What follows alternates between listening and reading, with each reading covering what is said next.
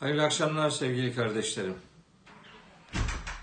Bu akşam Kur'an'dan Hayata dersimizi 17. başlığıyla sizlere aktarmaya gayret edeceğim inşallah.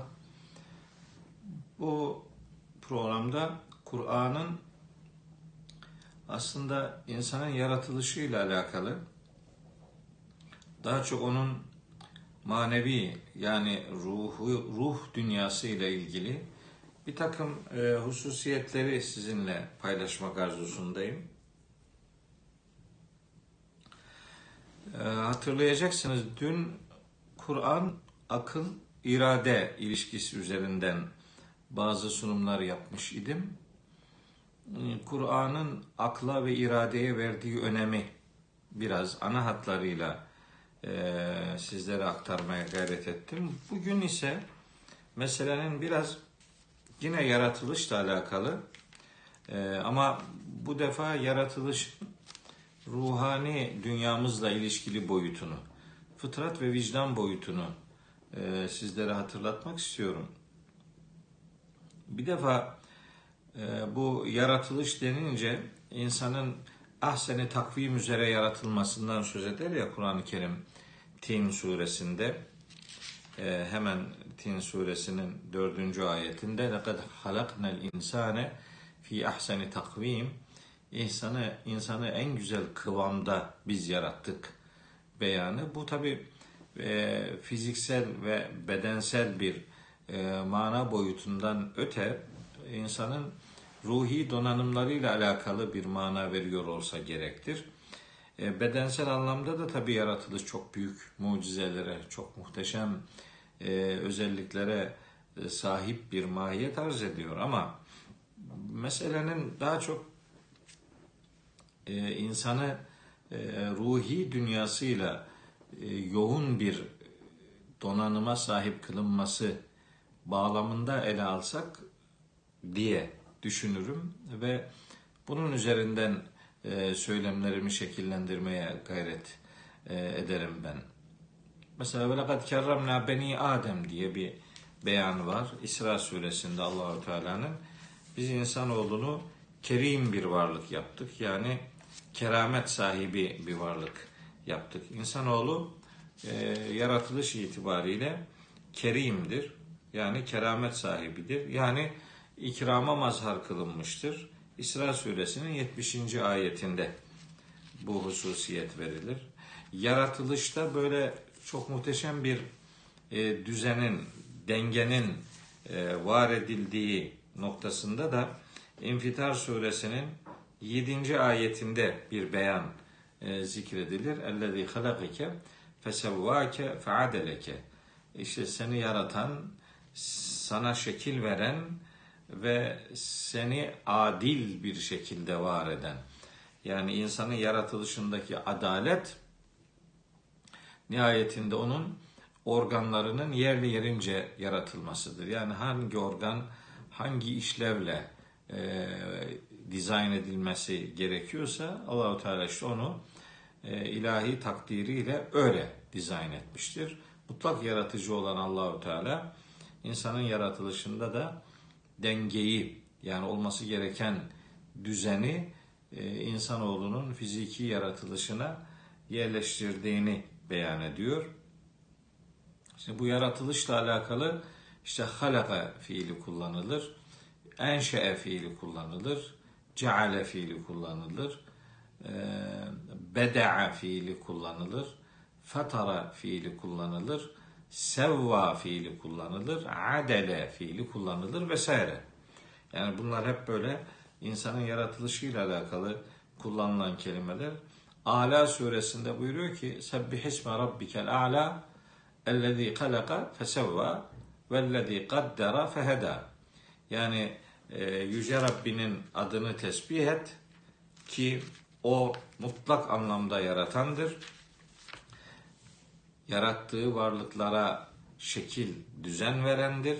İşte mesela yaratmayla, düzen vermeyle alakalı kullanılan sevva kelimesine ilaveten mesela savvara fiili de var. İşte bunu Tegabun suresinde geçiyor. Savvera insana şekil vermek. Ali İmran suresinde geçiyor. Yusavviru fiili kullanılıyor. E, vesaire.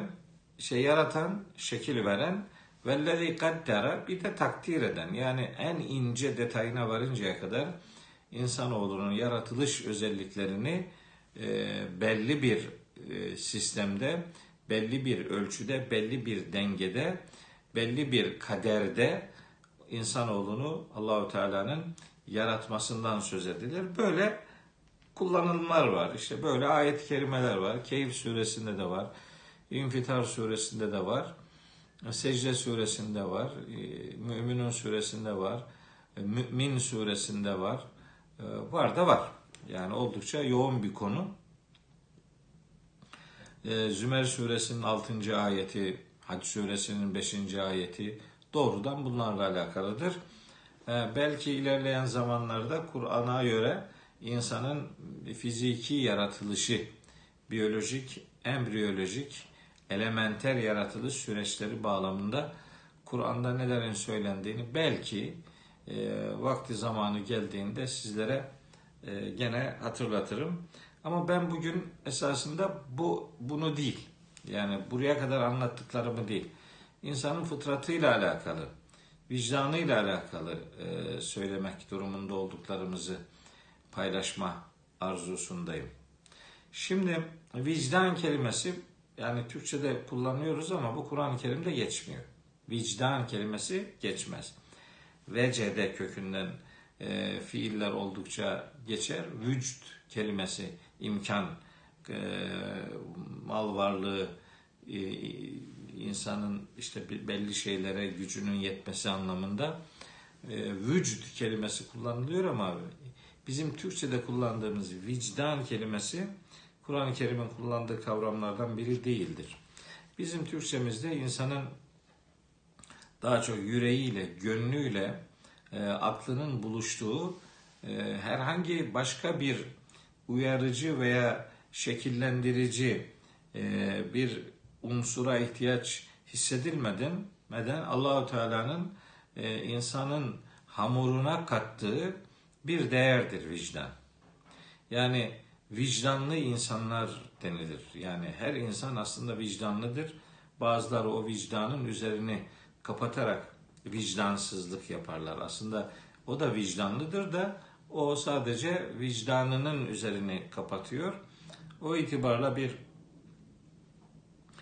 e, nahoş görüntü meydana çıkıyor diyelim. Şimdi e, vicdanla beraber kullandığımız kelimelerden biri işte fıtrat kelimesidir. Fatara kökünden kelimeler Kur'an'ın 20 ayetinde 20 değişik e, bağlamda geçer. Fatara işte fatara yoktan var etmektir. İşte bedaa yoktan var etmektir. Enşe'de e, o anlamda kullanılır. E, Allahu Teala kendi yaratıcılık sıfatıyla alakalı bu fatara kelimesini çok kullanıyor.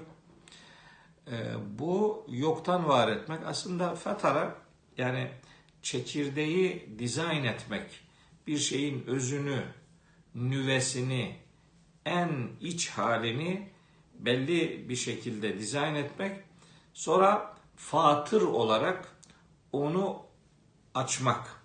Yani o çekirdeğin içindeki dizaynın görünmesini veya daha değişik mecralarda hayat bulmasını sağlamak. O itibarla Allahu Teala'nın sıfatlarından bir tanesi fatır sıfatıdır. Ee, bu sıfat altı yerde geçiyor.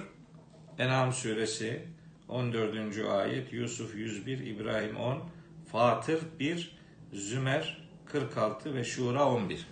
Fatır zaten 35. surenin de adıdır. Elhamdülillahi fatiris semavati vel ardı diye başlar. Göklerin yerin fatırı olan Allah'a hamdolsun.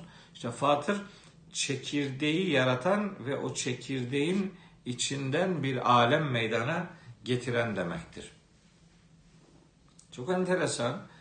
Ee, mahşerde e, gök sisteminin yeniden inşası manasında kullanılan kelimelerden bir tanesi infatara fiilidir. İnfitar suresi var Kur'an-ı Kerim'in 82. suresi.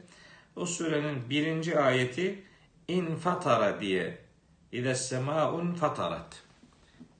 Sema infitar ettiği zaman bu daha çok sema yıkıldığı zaman parçalanıp yok olduğu zaman diye anlaşılır ama hayır kasıt o değil. Göğün infitarı göğün yeni bir fıtrata e, kavuşturulması demektir. Mahşerde de gökler olacak. İbrahim suresi 48. ayet gayet net. Zümer suresinin de 60 e, kaçıncı ayeti? Zümer suresi 67. ayette de bu var. E, Furkan suresinde de var. Başka e, İnşikak suresinde var. İnfitar suresinde var. Var da var. Yani mahşerde de gök, gökler var yani olacak. Oranın da gök cisimleri olacak. Onlar da serpiştirilecek. Orada yeni bir dizayn yaşanacaktır. Ama elbet bu alem gibi, bu dünya e, ve bu uzay gibi böyle olmayacak yani. Başka bir çeşit olacak. Nasıl olacağını yaratıldığında mahşerde orada göreceğiz inşallah. İnşallah orada nimetler içinde bulunup da o alemi görenlerden oluruz. Ee, yoksa gününü görürsün manasında bir görmekten e, Allah'a sığınalım. Öyle bir akıbetten Cenab-ı Hak sizi de bizi de muhafaza buyursun. Şimdi işte Fatırus semavati vel gökleri yeri her şeyin çekirdeğini yaratıp onun içinden varlık alemine çıkaran demektir. Fatır aslında Falikul habbi ve neva diye Enam suresinde geçer. Falik kelimesine de yakın bir mana verir. Göğün e, Allah'a çocuk isnat edenlerle alakalı Meryem suresinde bir ifade var. Orada yetefettarne diye bir e, kelimesi bir kelime geçiyor. Tekadüs semavatu yetefettarne. Yani gökler neredeyse parçalanacaklar. Yani parçalarına ayrılacak. Yani işte bu alem bu alemin yıkılması ve yeniden şekillenmesini gerektirecek büyük bir e, suç, büyük bir günah, büyük bir isnat olarak görür Allahu Teala. Yetefattarne kelimesini o anlamda Meryem suresinde 90. ayette e, görüyoruz. O kelime bir de Şura suresi 5. ayette geçiyor. O da benzer bir içerikte yer alıyor. Es-semâ'u munfatirun bih diye de bir ayet var. O da Müzzemmil suresinde e, geçiyor. Gök o gün yani mahşer günü nedeniyle infitara uğrar. Yani yarılıp yeniden gök yeni bir dizaynla, yeni bir şekille, yeni bir alemin unsuru olarak yer alır, yer alacaktır. O anlamda geçiyor. Şimdi ben niye bu bu sistem üzerinden bu kadar e, Kur'an-ı Kerim'deki ayet e, me, meallerini, metinlerini aktarıyorum? Şunun için. Şimdi bütün mahlukatı fatır olan Allahu Teala bir fıtrata sahip kılmıştır. Allahu Teala her şeye yaratmış, her şeye şekil vermiş, her şeyi takdir etmiş, her şeyi düzene koymuş her şeye bir hidayet vermiştir. Her şeyin bir hidayeti vardır. Rüzgarın hidayeti esmektir. Kuşun hidayeti ötmektir, uçmaktır. Yağmurun hidayeti yağmasıdır. Irmağın hidayeti akmasıdır. Güneşin hidayeti ışık ve ısı vermesidir. İşte ayın hidayeti ışık yansıtmasıdır vesaire. Yani hangi varlık ne için yaratılmışsa o yaratılış gayesine uygun olarak onun varlığının dizayn edilmesine o varlığın hidayeti derler.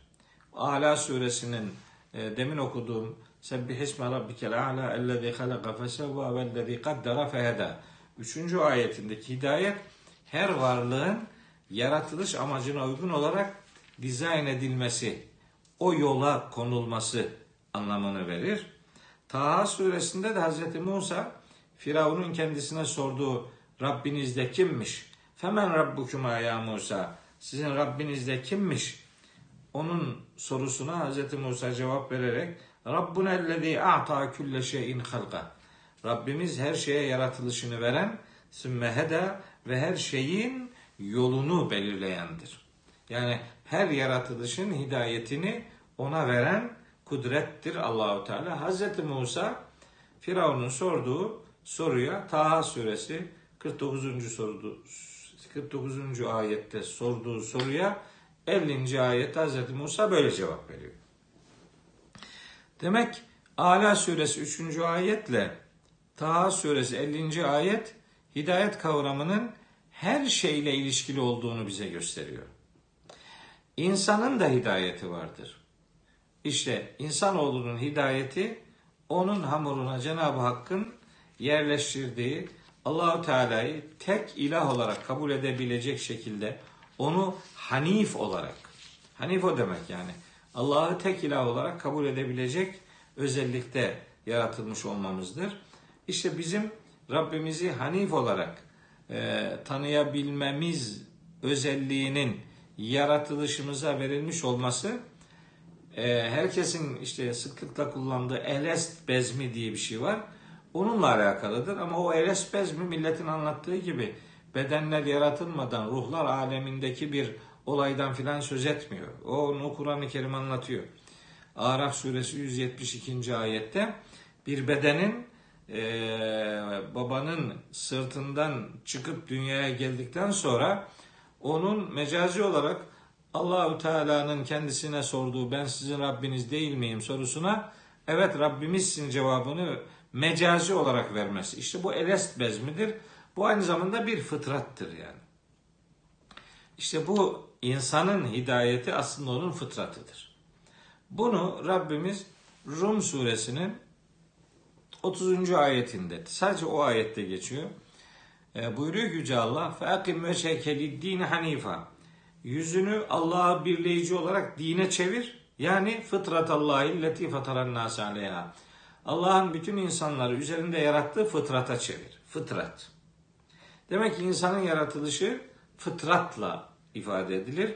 Kur'an din ile fıtratı eşitler. Yani Kur'an'la akıl nasıl bir ikiz kardeştir dün öyle demiştim.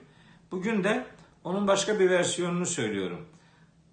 Vahiy ile yani Kur'an'la fıtrat da ikiz kardeştir. Çünkü Allah din ile fıtratı eşitlemiştir. Bu şu demektir. Kur'an'da anlatılan şeyler fıtrata ve vicdana aykırı olmaz. Fıtratın vicdanın sahibi olan Allahu Teala aklı insana ikram ederek akla hitap ettiği vahyini fıtratla kardeş ilan etmiş. Din eşittir fıtrat demiştir. Belki sırf bu nedenledir ki Peygamberimiz Aleyhisselam her yaratılanın fıtrat üzere doğduğunu söyler. Küllü mevludin yuledu alel fıtrati veya küllü mevludin yuledu ala fıtratil İslam. Her doğan İslam fıtratı üzere doğar ifadesinde kasıt budur.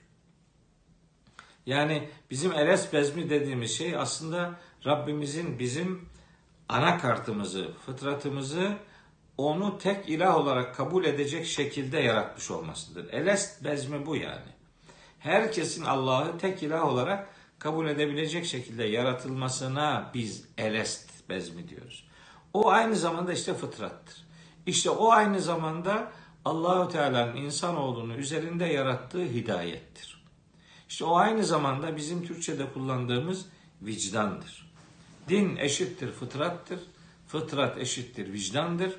Kur'an'ın söyledikleri bu anlamda fıtrat ve vicdanla asla çelişmez. Asla çelişmez. Eğer çelişik gibi duran bir sunum varsa bu yanlış bilgiden kaynaklanıyordur ya da doğru bilgiyi yanlış sunmaktan kaynaklanıyordur. Bir insanın ateist olması kolay anlaşılabilir bir şey değildir. Bir insanın deist olması da kolay anlaşılabilir bir şey değildir. Deizm batıda meydana gelmiş bir kavram, orada üretilmiş bir kavram. Orada kafasını çalıştıran, aklını çalıştıranlar kitap mukaddesi bozulmuş İncil'i, yeni ahidi okudukları için onlar dini metinle tanışınca böyle bir şey olmaz deyip deist olmuşlar. Bizdeki deistler de Kur'an'ı tanımadığı için deist oluyorlar. Yani batıda İncil'i tanıdıkları için, o bozulmuş İncil'i tanıdıkları için insanlar deist olur. Türkiye İslam coğrafyasındakiler ise Kur'an'ı tanımadıkları için maalesef deist oluyorlar. Tekraren söylüyorum. Altını çizerek söylüyorum. Kur'an-ı Kerim fıtratımıza ve vicdanımıza aykırı gelecek hiçbir şey söylemez. Eğer fıtrata ve vicdana aykırı gibi bir durum söz konusuysa bilinmelidir ki o bilginin sunumunda veya o bilginin kaynağına ulaşmada sorun yaşanıyor demektir. Allahu Teala bizim fıtratımızı onu bir tanıyacak şekilde dizayn etmiş. Ama hayat bir imtihan alanı olduğu için, yaratılışın gayesi imtihan olduğu için insanın işte fıtratında Allah'ın ona ilham ettiği e, bir takım özellikler bağlamında fücur özelliği de var, takva özelliği de var. Fıtratımızda bunlar var. Yani fücur ne demek? Yanlış yapabilme, yoldan çıkabilme özelliği demektir. E, olur. Eğer imtihan varsa kaybetme seçeneğinin olması lazım. Seçenek diyen söz etmek için farklı durumların, farklı yönelimlerin, farklı tercihlerin yapılabiliyor olması lazım. Onun için insan hiç günah işleyemeyecek şekilde yaratılmış olsaydı o imtihana tabi tutulmazdı. İşte meleklerin imtihan edilmemesinin sebebi bu. Hayvanların imtihan edilmemesinin sebebi bu. Bitkilerin, diğer canlıların imtihana muhatap kılınmamasının, cansız varlıkların imtihana tabi kılınmamasının sebebi onlarda kaybetme riski yok yani. Öyle bir şey yok.